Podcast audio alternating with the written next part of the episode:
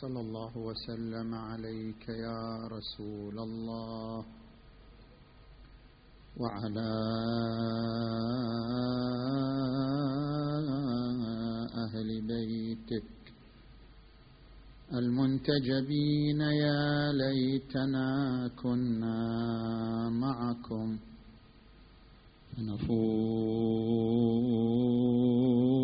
فنفوز فوزا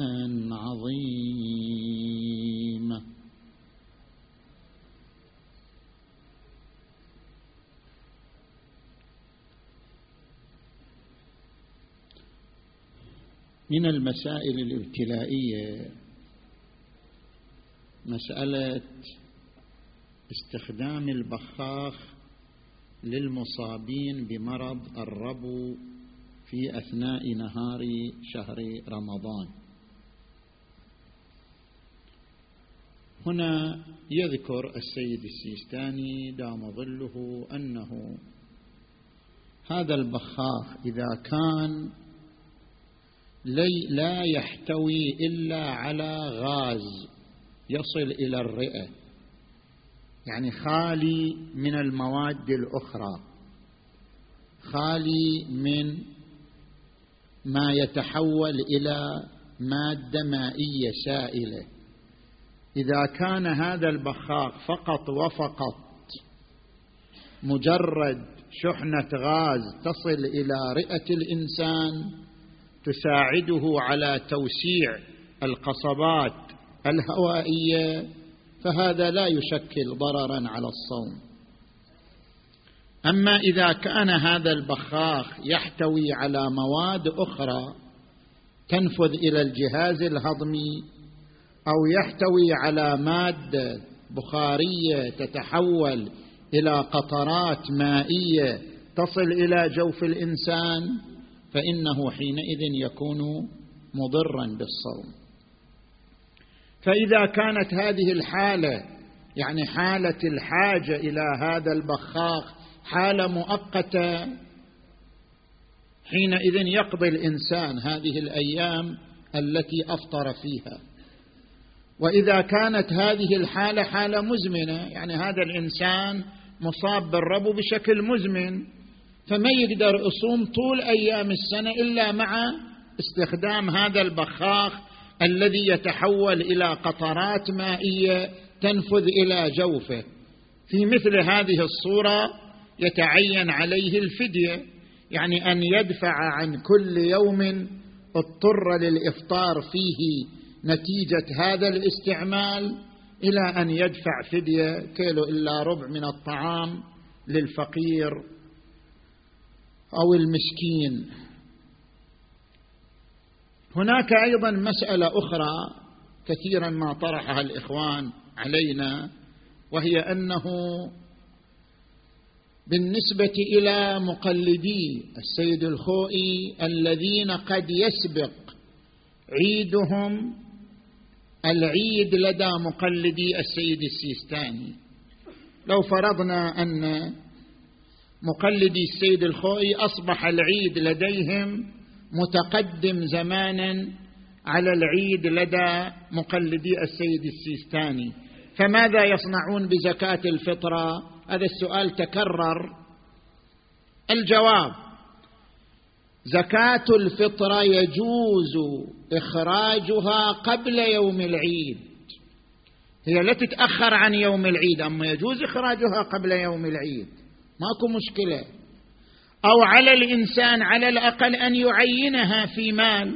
يعني قبل أن يأتي يوم العيد يعين زكاة الفطره في مال معين يقول هذه زكاة الفطره إذا عينها في مال معين يجوز له بعد ذلك أن يؤجل دفعها إلى الفقير في يوم آخر.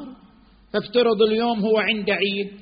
ما يقدر يدفعها اليوم بس هو عينها ما دام عينها في مال محدد كافي حتى لو لم يستطع إخراجها يعني دفعها يوم العيد يمكن أن يدفعها في يوم آخر بعد العيد إذا وجد المصرف لها وهو الفقير. المهم أن يعينها في مال قبل زوال يوم العيد. إذا عينها انتهى الموضوع. بل يجوز له إخراجها وإعطاؤها للفقير قبل يوم العيد أيضا. أعوذ بالله من الشيطان الغوي الرجيم. بسم الله الرحمن الرحيم. شرع لكم من الدين ما وصى به نوحا. والذي أوحينا إليك وما وصينا به إبراهيم.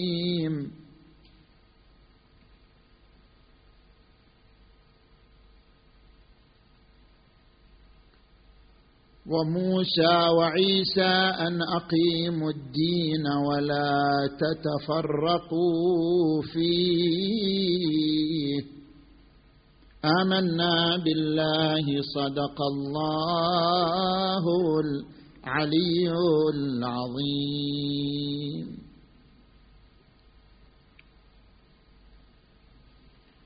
بحثنا في الحاجة إلى الدين.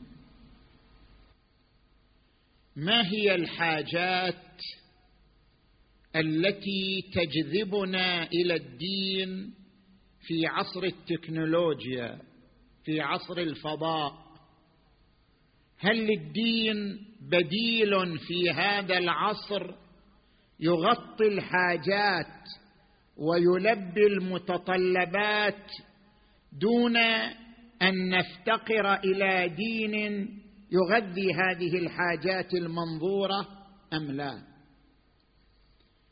عندما نتحدث عن الحاجة إلى الدين فنحن نتكلم تارة على ضوء الحقل المعرفي وأخرى على ضوء وأخرى على ضوء الحقل النفسي وثالثة على ضوء الحقل الاجتماعي. هنا حقول ثلاثة نتحدث من خلالها عن الحاجة الوثيقة نحو الدين بحيث لا بديل للدين في تغطية هذه الحاجة وتلبيتها. نأتي إلى الحقل الأول الحقل المعرفي. نحن نحتاج إلى الدين على مستوى الحقل المعرفي وذلك من زاويتين. الزاوية الأولى تحديد الهدف والزاوية الثانية إرشاد الفطرة.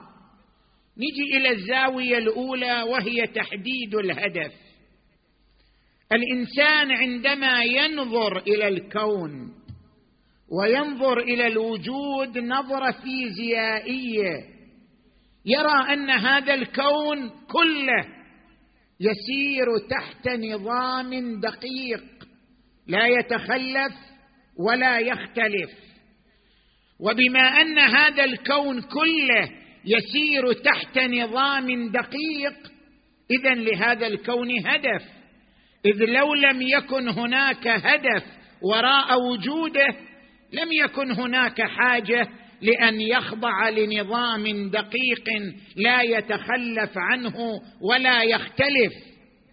بما أن الكون له هدف لأن له نظام. اذا الإنسان له هدف وله نظام. الإنسان جزء من هذا الكون. الإنسان حصة من هذا الكون. بما أن الكون كله يخضع لنظام وله هدف اذا الإنسان له هدف وله نظام يوصله إلى تحقيق ذلك الهدف. من أين يتعرف الإنسان على هدف وجوده؟ من أين يتعرف الإنسان على النظام الذي يوصله إلى تحديد الهدف من وجوده؟ من اين لا إشكال أنه وجد لهدف مثله مثل الكون. لا إشكال أن له نظام يوصله إلى ذلك الهدف مثله مثل باقي أجزاء الكون. من أين نستكشف الهدف ونستكشف النظام الذي يوصلنا إلى ذلك الهدف؟ من أين؟ لو أوكلنا هذا الأمر إلى الإنسان أنت بعقلك اكتشف الهدف واكتشف النظام الذي يوصلك إلى هذا الهدف. سوف لن يصل الإنسان إلى ذلك. والشاهد أن الفلسفة قديمها وحديثها إلى الآن لم تصل إلى تحديد الهدف الكامل من وجود الإنسان. لم تصل إلى تحديد النظام الموصل إلى ذلك الهدف. تناقضت الفلسفات وتباينت إلى حد يتيه الإنسان بين مفرداتها وبين مناهجها.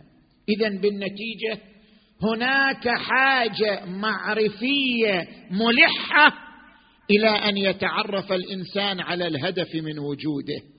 وعلى النظام الذي يوصله إلى ذلك الهدف ولا مصدر لهذه الحاجة المعرفية إلا خالق الإنسان نفسه. خالق الإنسان هو الأقدر على تحديد الهدف من وجود الإنسان وتحديد النظام الذي يوصل إلى هذا الهدف من وجود الإنسان. وأما الإنسان نفسه فانت ترى تباين المناهج والآراء والفلسفات في تحديد هدف وجوده ونظام وجوده. لذلك هناك حاجة معرفية إلى الدين لأن الدين يرشدنا إلى الهدف والنظام الذي يوصلنا للهدف. أفحسبتم انما خلقناكم عبثا وأنكم إلينا لا ترجعون؟ وما خلقنا السماوات والأرض وما بينهما لعبا. لو أردنا أن نتخذ لهوا لاتخذناه من لدنا إن كنا فاعلين. وقال في آية أخرى ليبلوكم أيكم أحسن عملا. الزاوية الثانية كل إنسان منذ نعومة أظفاره لديه أسئلة فطرية. كل إنسان. كل إنسان ما يحتاج أحد يعلمه. الإنسان يولد ولديه هذه الأسئلة الفطرية. من أين جئت؟ وإلى أين أمضي؟ وهل طريقي مضمون أم غير مضمون؟ هذه الأسئلة الفطرية تحتاج إلى جواب. من أين يأخذ الإنسان الإجابة عليها؟ من أين جئت؟ وإلى أين سأمضي؟ وهل طريقي يوصل بين المبدأ والمنتهى؟ أسئلة فطرية ملحة يعيشها كل إنسان كل إنسان في هذه الحياة. ايليا أبو ماضي شاعر المهجر المعروف جئت لا أعلم من أين ولكني أتيت ولقد أبصرت قدامي طريقا فمشيت وسأبقى سائرا إن شئت هذا أو أبيت كيف جئت؟ كيف أبصرت طريقي؟ لست أدري. وطريقي ما طريقي؟ أطويل أم قصير؟ أأنا أصعد أأنا أصعد في الدرب أم الدرب؟ يسير أم كلانا واقف والدهر يجري؟ لست أدري. هذه أسئلة فطرية. هذا كلام الشاعر يتحدث عن أسئلة فطرية لدى الإنسان. من أين جئت؟ وإلى أين أمضي؟ وهل طريقي مضمون النهاية أم لا؟ هذه الأسئلة الفطرية لا يوجد حتى الآن نظام معرفي أجاب عنها جوابا مقنعا. لا مصدر للجواب عن هذه الأسئلة الفطرية الملحة إلا الدين. الدين هو طرح منظومة معرفية متكاملة مترابطة عن المبدأ والمنتهى والطريق الواصل بين المبدأ والمنتهى. لذلك ورد عن الرسول محمد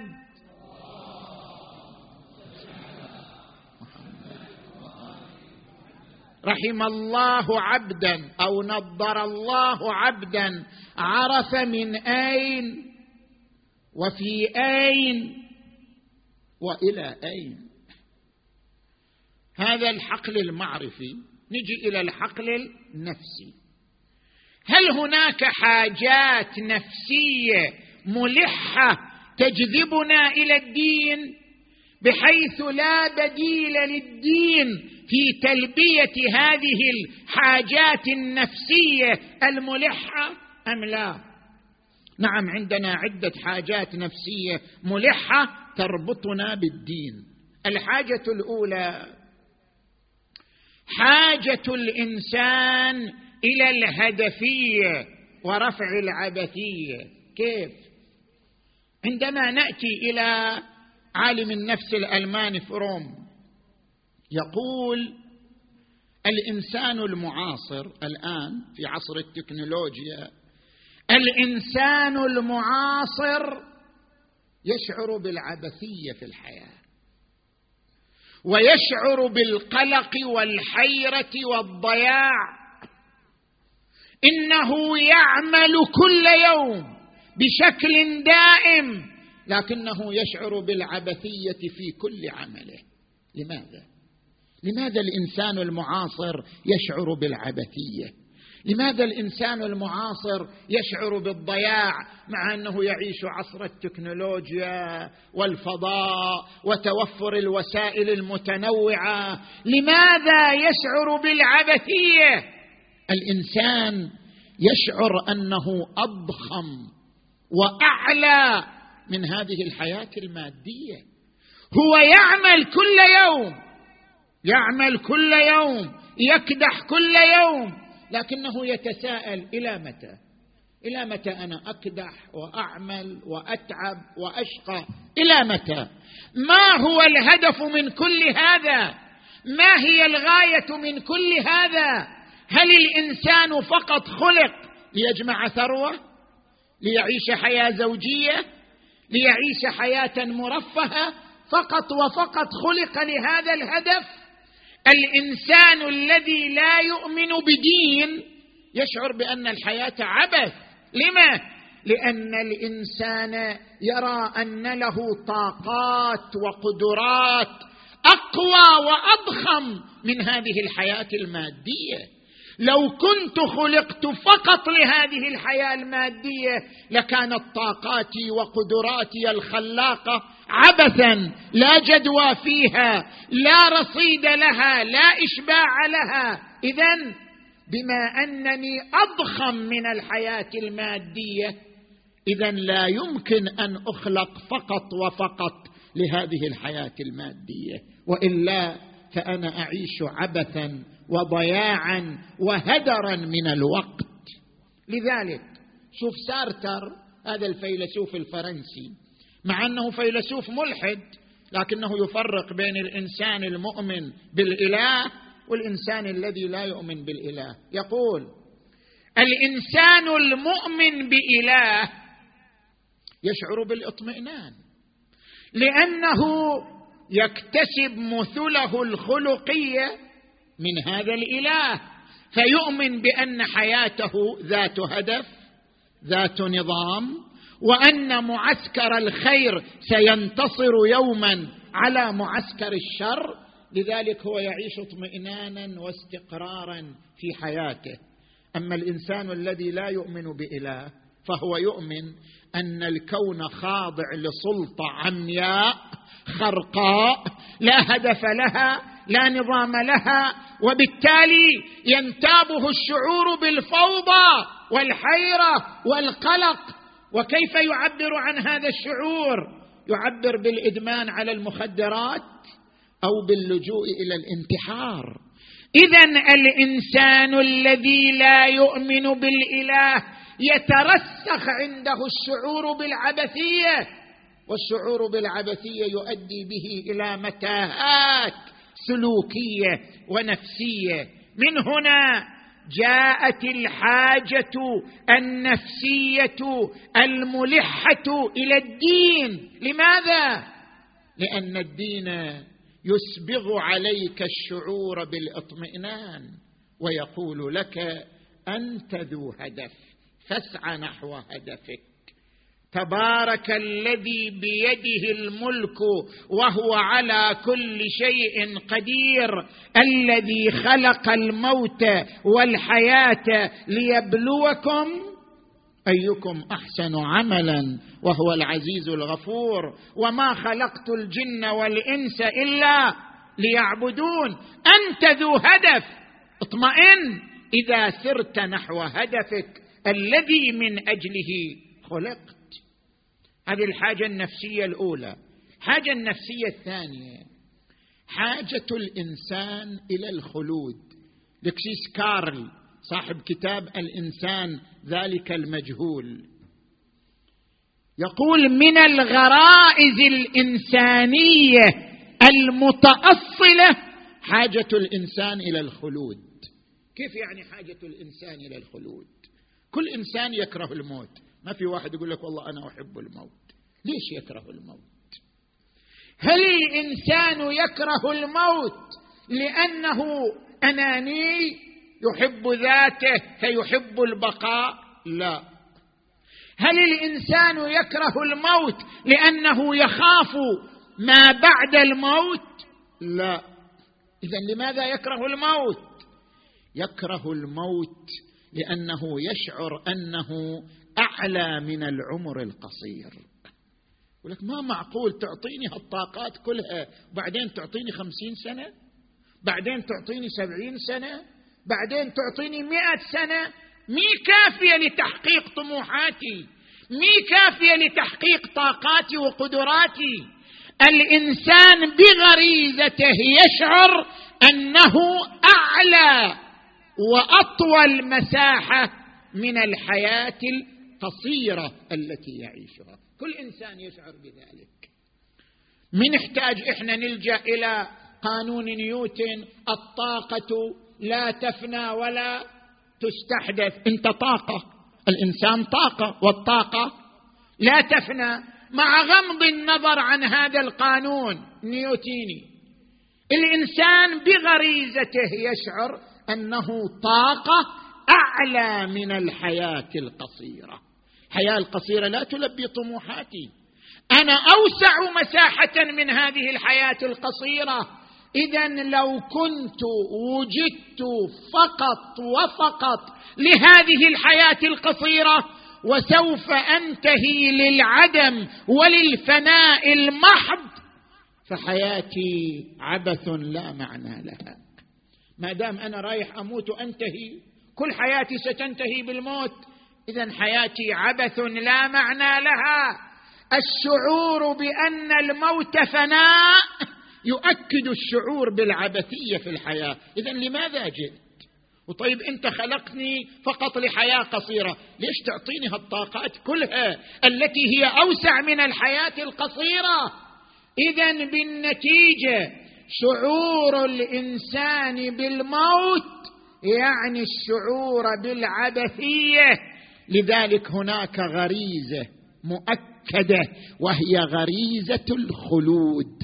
الإنسان يحب الخلود لأن في الخلود اشباعا لطاقاته التي هي أوسع مدى من هذه الحياة المادية. ما هو المصدر الذي يلبي حاجة الإنسان إلى الخلود؟ الدين. لا يوجد مصدر يقول لك أنت خالد وباقي وهذه القدرات وهذه الطموحات سوف تتحقق بشكل أفضل وأسمى في حياة أخرى. لا يوجد مصدر لذلك إلا الدين. وإلا ما سوى الدين؟ يقول لك تنتهي أنت يوم من الأيام ستنتهي. ولو قيل للإنسان أنت ستبقى باسمك وبمشاريعك الثقافية أو الخيرية فإنه يرى أن هذا لون من التخدير للعواطف والمشاعر. ما فائدة بقائي ببقاء اسمي؟ أنا أريد أن أبقى بنفسي لأحقق طموحاتي وقدراتي. إذا لا مصدر لتغذية هذه الحاجة إلا الدين الذي يقول لك بأنك لن تفنى. يموت بدنك فقط. وأما روحك فهي باقية وستنتقل من عالم إلى عالم آخر. فيه طموحاتك وقدراتك. خلق الناس للبقاء. فضلت أمة يحسبونهم للنفاد إنما ينقلون من دار أعمال. إلى دار شقوة أو رشاد. فقط انتقال من عالم إلى عالم. لذلك قال أمير المؤمنين علي عليه السلام إن ابن أبي طالب لآنس بالموت من الطفل بثدي أمه. أنا هذه حياة أيام أعيشها بس أنا عندي طموحات أعلى من هذه الحياة. آنس باستقبالها ولقائها. إن ابن أبي طالب آنس بالموت من الطفل بثدي أمه. هذه الحاجة النفسية الثانية. الحاجة النفسية الثالثة حاجة الإنسان إلى الصبر وتحدي الصعوبات صعوبات الحياة.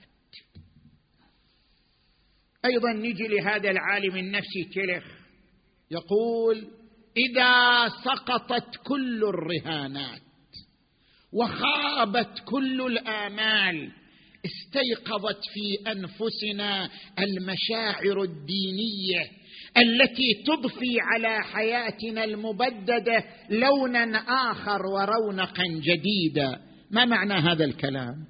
معنى كلامه أن الإنسان إذا واجه صعوبات الحياة فشل في الدراسة خسر في التجارة فشل في الحياة الزوجية فشل في علاقته مع الناس إذا ما يؤمن بدين سوف ينهار سوف ينتهي لأنه لا يؤمن بدين لا يؤمن بنهاية لا يؤمن بجزاء سوف ينهار سوف يتحطم قد يدعوه الانهيار إلى الموت.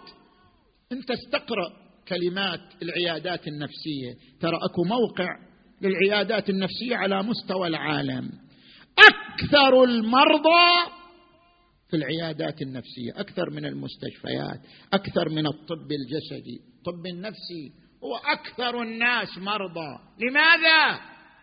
لأنه لا يستطيع مواجهة تحديات الحياة. لا يستطيع مواجهة مصاعب الحياة. فلذلك ينهار نفسيا فيصيبه الإحباط والإنخذال والإنكسار. الوحيد الذي يستطيع مواجهة مصاعب الحياة المتدين. المتدين لا فرق عنده أن يعيش غنى أو فقر مصيبة أو راحة. حياة سعيدة ماديا أو حياة متعبة ماديا.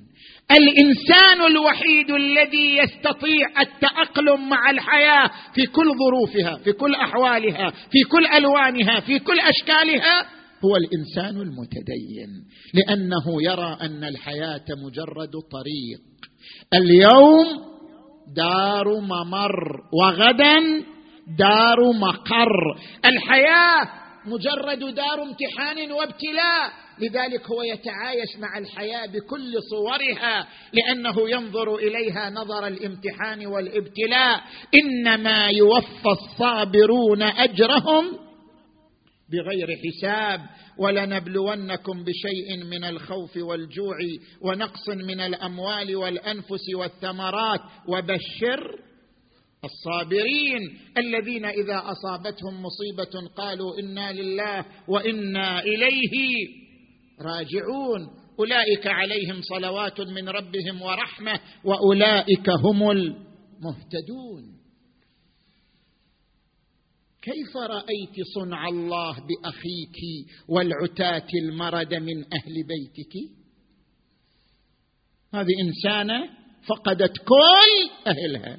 فقدت كل إخوتها فقدت كل أولادها ووقفت أمام طاغية يستهزئ بها ويسخر بها. كيف رأيت صنع الله بأخيك والعتاة المرد من أهل بيتك؟ فأجابته بما يدل على قوة فهمها للحياة وسعة إدراكها للحياة. ما رأيت إلا جميله هؤلاء قوم كتب عليهم القتل فبرزوا إلى مضاجعهم وسيجمع الله بينك وبينهم فتحاج وتخاصم فانظر لمن الفلج يومئذ. الحاجة الرابعة من الحاجات النفسية التي يشبعها الدين حاجة الإنسان إلى الألفة. ويليام جيمز يقول التقدم التكنولوجي هدم جدار الزمن والمكان. الإنسان الآن في هالعصر خلاص اخترق الزمن واخترق المكان. هو في بيته يقرأ العالم كله ويتواصل مع العالم كله. هو الآن في الدقيقة مثلا الستين من الساعة العاشرة ليلا لكنه يستطيع أن يعرف ماذا سيحدث غدا وماذا سيصيب هذا المجتمع غدا. إنسان إنسان العصر هدم جدار الزمان وجدار المكان لكن إنسان هذا العصر هو أكثر الناس شعورا بالغربة هو أكثر الناس شعورا بالوحدة. كلما عجز عن حل مشاكله النفسية الأسرية ازداد شعوره بالوحدة ازداد شعوره بالغربة. يحتاج إلى ما ينفس عن شعوره بالغربة والوحدة. ولا مصدر للتنفيس عن الشعور بالغربة والوحدة إلا الدين إلا الإيمان. وإلا إذا ما عنده دين ولا إيمان خلاص. يزداد عنده الشعور بالغربة والوحده إلى ان يختنق رغم أنه منفتح على الحياة كلها ومتحرر من زمانها ومكانها. أما الإنسان المتدين فيشعر أن في لقاء الله ألفة وفي عبادة الله سعادة وفي التواصل مع الله شعورا بالعزة والكرامة. الإنسان المؤمن يغطي إيمانه الشعور بالغربة والوحدة والعجز. لذلك ورد عن الإمام أمير المؤمنين علي عليه السلام إني لا يزيدني تفرق الناس عني وحشه ولا اجتماعهم علي ألفة. أنا أعيش انسا بالله تبارك وتعالى يقول الإمام أمير المؤمنين. اللهم إنك آنس الآنسين لأوليائك وأحضرهم بالكفاية للمتوكلين عليك. تشاهدهم في سرائرهم وتعلم مبلغ بصائرهم وتخبر ما في وتخبر ما في سرائرهم. أسرارهم إليك مكشوفة وقلوبهم إليك ملهوفة. إن أوحشتهم الغربة آنسهم ذكرك وإن صبت عليهم المصائب لجأوا إلى الاستجارة بك. هؤلاء هم المتدينون. اذا هذه حاجات نفسية ملحة لا يشبعها إلا الدين والإيمان بالدين. زين نجي إلى الحقل الثالث والأخير الحقل الاجتماعي. هناك حاجات اجتماعية تربطنا بالدين شئنا أم أبينا؟ ولا بديل للدين في تقديم هذه الخدمات الاجتماعية. زين. الحاجة الأولى حاجة الإنسان لتقوية الشعور الجمعي. الإنسان مدني بطبعه اجتماعي بطبعه. هكذا يؤكد علماء النفس الاجتماعي. لكن هذا الشعور الجمعي يحتاج إلى روافد تغذيه وتقويه. الدين يقوي لدى الإنسان الشعور الجمعي من خلال التأكيد على ثلاثة أنواع من الترابط. الترابط الأخوي الترابط المادي الترابط الروحي. الترابط الأخوي. هل يوجد في غير الدين منظومة تؤكد على صلة الأرحام؟ لا. الدين يقوي هذا الشعور الجمعي من خلال التأكيد على صلة الأرحام. واتقوا الله الذي تساءلون به والأرحام. فهل عسيتم إن توليتم أن تفسدوا في الأرض وتقطعوا أرحامكم؟ وورد عن الرسول محمد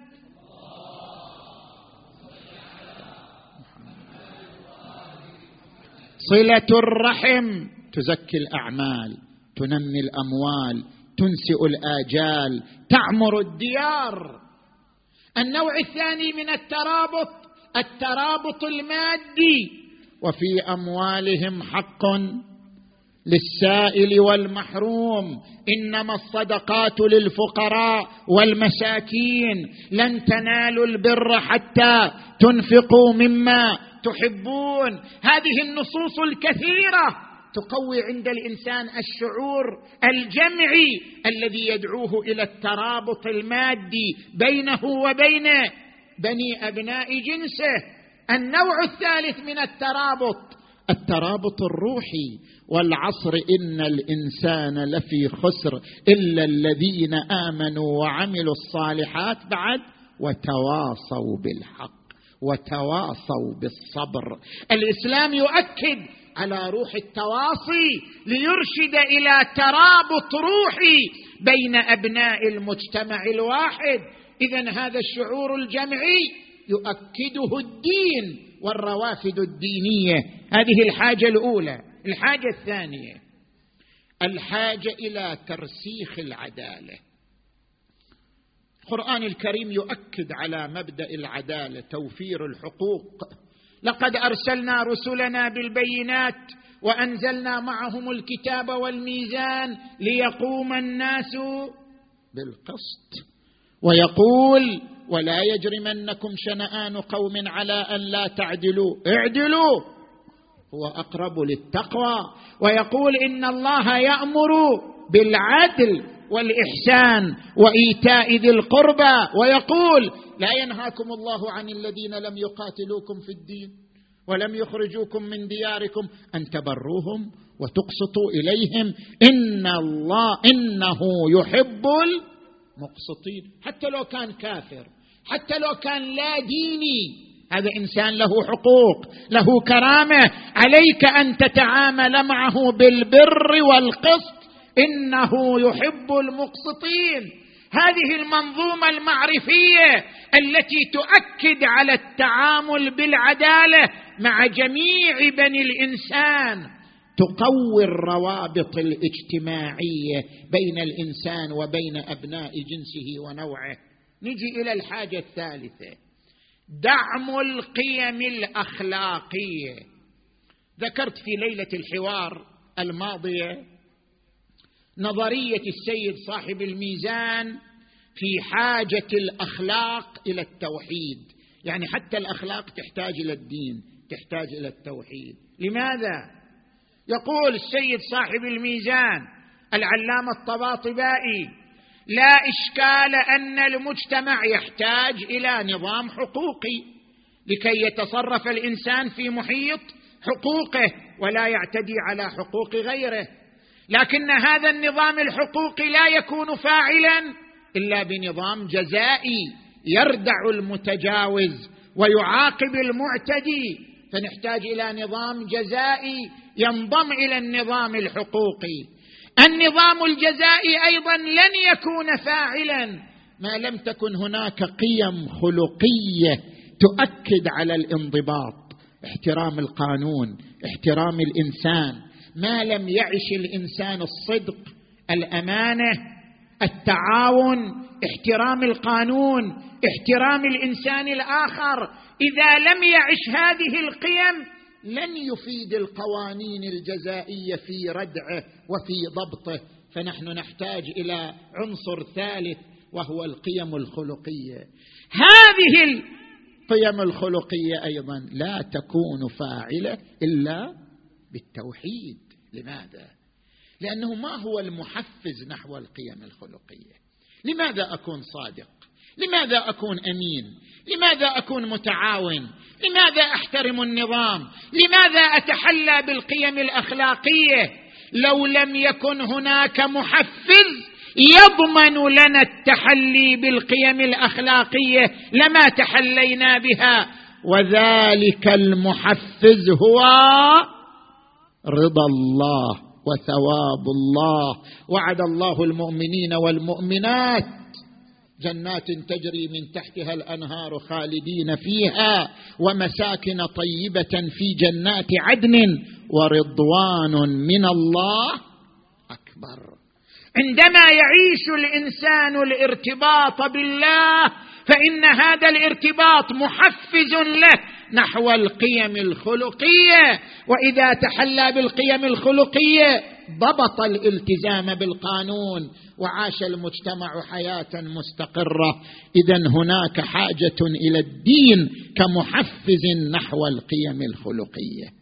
بعد أن استعرضنا هذه الأمور الحاجة إلى الدين في الحقل المعرفي حاجة إلى الدين في الحقل النفسي حاجة إلى الدين في الحقل الاجتماعي. الآن أبلور هذه الحاجات في الحاجة إلى الدين الإسلامي مو أي دين. إلى الدين الإسلامي لا أي دين. شلون؟ هذه الحاجات تحصل بأي دين؟ تحصل بأي شريعه لماذا الدين الإسلامي الذي جاء به محمد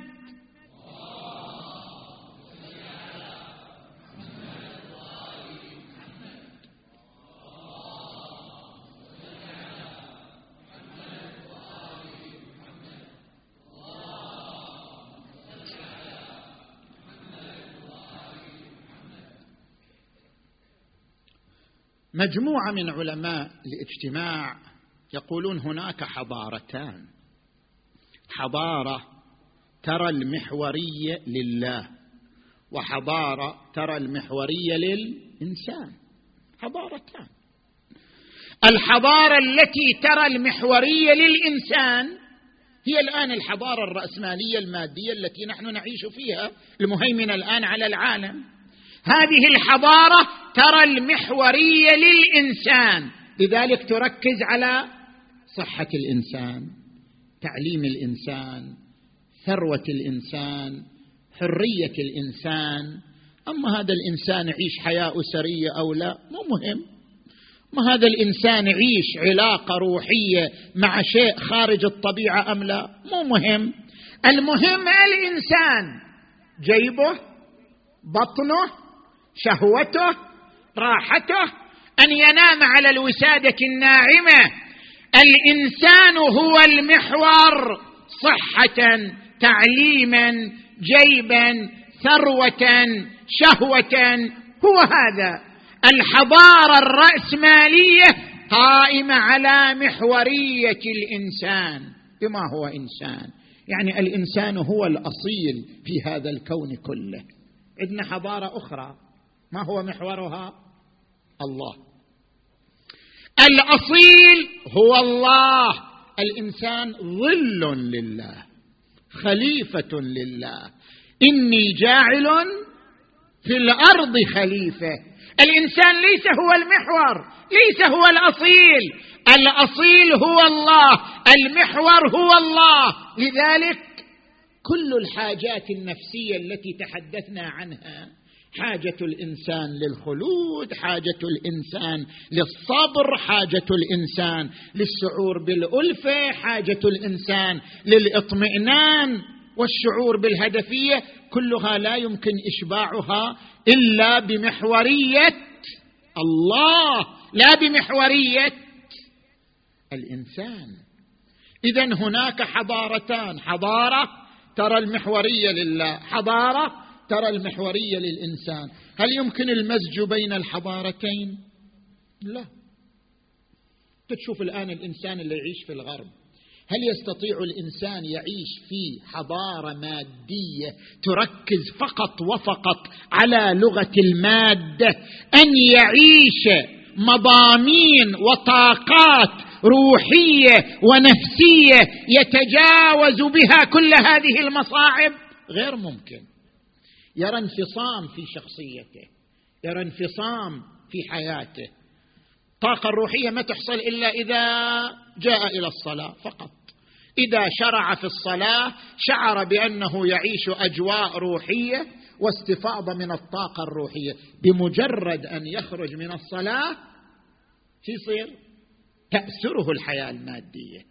تفرض عليه الحضارة الرأسمالية لغتها المادية تفرض عليه الحياة الرأسمالية بإعلامها بمناهجها التعليمية بجميع مفاهيمها ومضامينها تفرض عليه أن ينصهر في هذه الحياة المادية فلا يعيش اشباعا لروحه إلا في دقائق معدودة من اليوم لا أكثر. لذلك لا يمكن المزج بين هذه الحضارتين.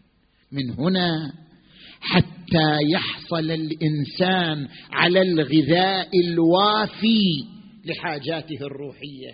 حتى يحصل الإنسان على الإشباع الكافي لحاجاته النفسية. حتى يحصل الإنسان على تلبية طموحاته الاجتماعية يحتاج إلى حضارة قائمة على محورية الله حضارة مادية عادلة أخوية. هكذا تكون بهذه العناصر. أنا مو محتاج إلى حضارة مادية فقط. القرآن أوصى بالحضارة المادية.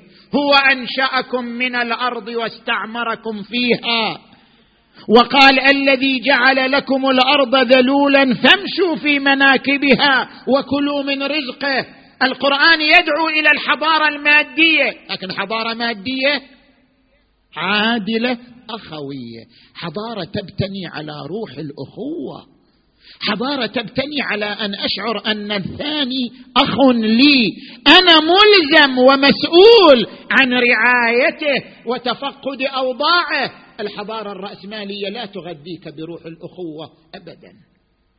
الحضارة التي محورها الله هي الحضارة المادية العادلة الأخوية التي تقول كل الناس أبناء الله كل الناس إخوان في الله كل الناس يجتمعون تحت ظل الله إنما المؤمنون إخوة.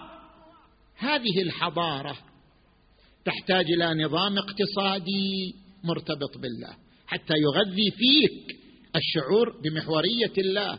تحتاج إلى نظام تعليمي محوره الله حتى يغذي فيك محورية الله.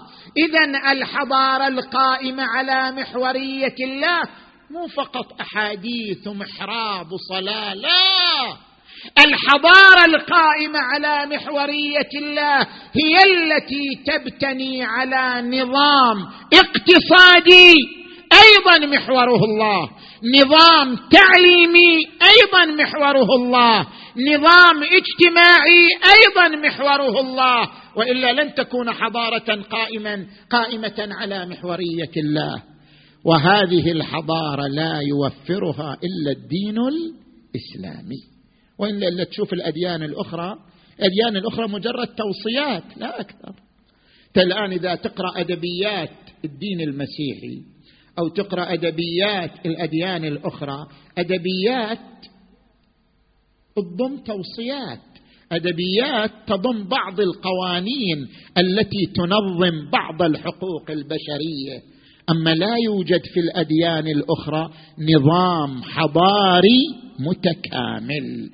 نظام يؤسس حضارة محورها الله في نظامها الاقتصادي في نظامها التعليمي في نظامها الاجتماعي. لا يوجد هذه المنظومة المعرفية المتكاملة إلا في دين الإسلام. ولذلك أنت حتى تحتاج تعمق هذه النقطة لأن ما عندنا وقت في تعميقها. اقرأ كتاب الإسلام يقود الحياة للسيد الشهيد السيد محمد باقر الصدر حتى تتعرف أن الإنسان في كل عصر في كل زمن يحتاج إلى حضارة محورها الله في جميع أنظمتها الاقتصادية والتعليمية والاجتماعية. وإلا لن تلبى حاجاته النفسية والمعرفية والاجتماعية التي ركزنا عليها. من هنا جاء عهد الإمام علي إلى مالك الأشتر ليؤكد لنا هذه الحضارة المطلوبة. من هنا جاءت حركة الحسين بن علي وانتفاضة الحسين بن علي مطالبا بتلك الحضارة القائمة على العدالة والروح الأخوية التي قال عنها ما خرجت اشرا ولا بطرا ولا مفسدا ولا ظالما وإنما خرجت لطلب الإصلاح في أمة جدي. أريد أن آمر بالمعروف وأنهى عن المنكر فمن قبلني بقبول الحق فالله أولى بالحق. ومن رد على هذا فالله يحكم بيني وبين القوم بالحق إنه خير الحاكمين وهذه المضامين فهمتها العقيلة زينب أدركت فلسفتها العقيلة زينب. حينما وقفت أمام يزيد بن معاوية وقالت أمن العدل يا ابن الطلقاء؟ تخديرك حرائرك وإماءك وسوقك بناه رسول الله. سبايا على ظهور المطايا. كد كيدك واسع جهدك. فوالله لا تمحو ذكرنا ولا تميت وحينا. وإن رأيك إلا فند وجمعك إلا بدد. يوم ينادي المنادي ألا لعنة الله على القوم الظالمين؟ نعم بنات زياد في القصور مصونة. دعبل الخزاعي يحكي لنا هذه المظلومية هذه الفاجعة. بنات زياد في القصور مصونة. وآل رسول الله في الفلوايا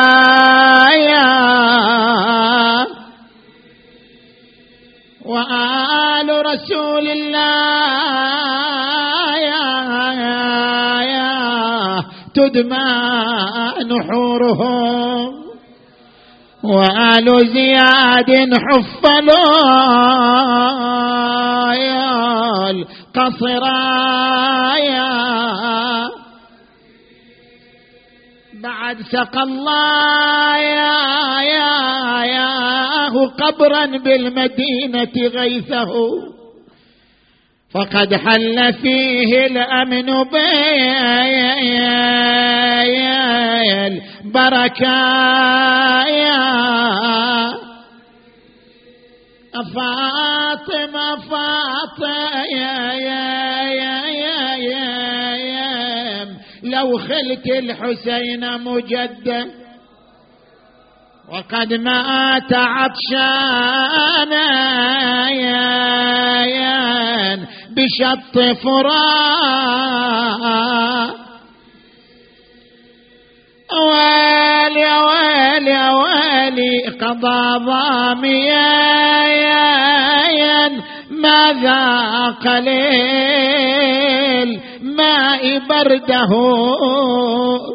رهين رمال تصهر الشمس خده. فاطمة لاو يوما تقومين عنده. إذا لا لطامت الخد. فا وأجريت دايا يا مع العين بيل وجنايتي ويلي أن الوالدة المذبوح ابنها ويلي وطول الدهر ما هوى يا يا يا ما هوى يا نحزن يا رسول الله لو عاينتهم وهم ما بين قتل وسبا يا الله. اللهم بالحسين الوجيه وجده وأبيه وأمه وأخيه والتسعة من بنيه. اللهم اغفر ذنوبنا واستر عيوبنا وكفر عنا سيئاتنا وتوفنا مع الأبرار. اللهم واجعلنا في هذا الشهر الشريف من عتقائك من جهنم وطلقائك من النار وسعداء خلقك بمغفرتك ورضوانك يا أرحم الراحمين. اللهم صل على محمد وآل محمد. اللهم كن لوليك الحجة بن الحسن. صلواتك عليه وعلى آبائه. في هذه الساعة وفي كل ساعة وليا وحافظا وقائدا وناصرا ودليلا وعينا حتى تسكنه أرضك طوعا وتمتعه فيها طويلا. برحمتك يا أرحم الراحمين. وإلى أرواح أموات المؤسسين والمؤمنين والمؤمنات الفاتحة تسبقها الصلوات.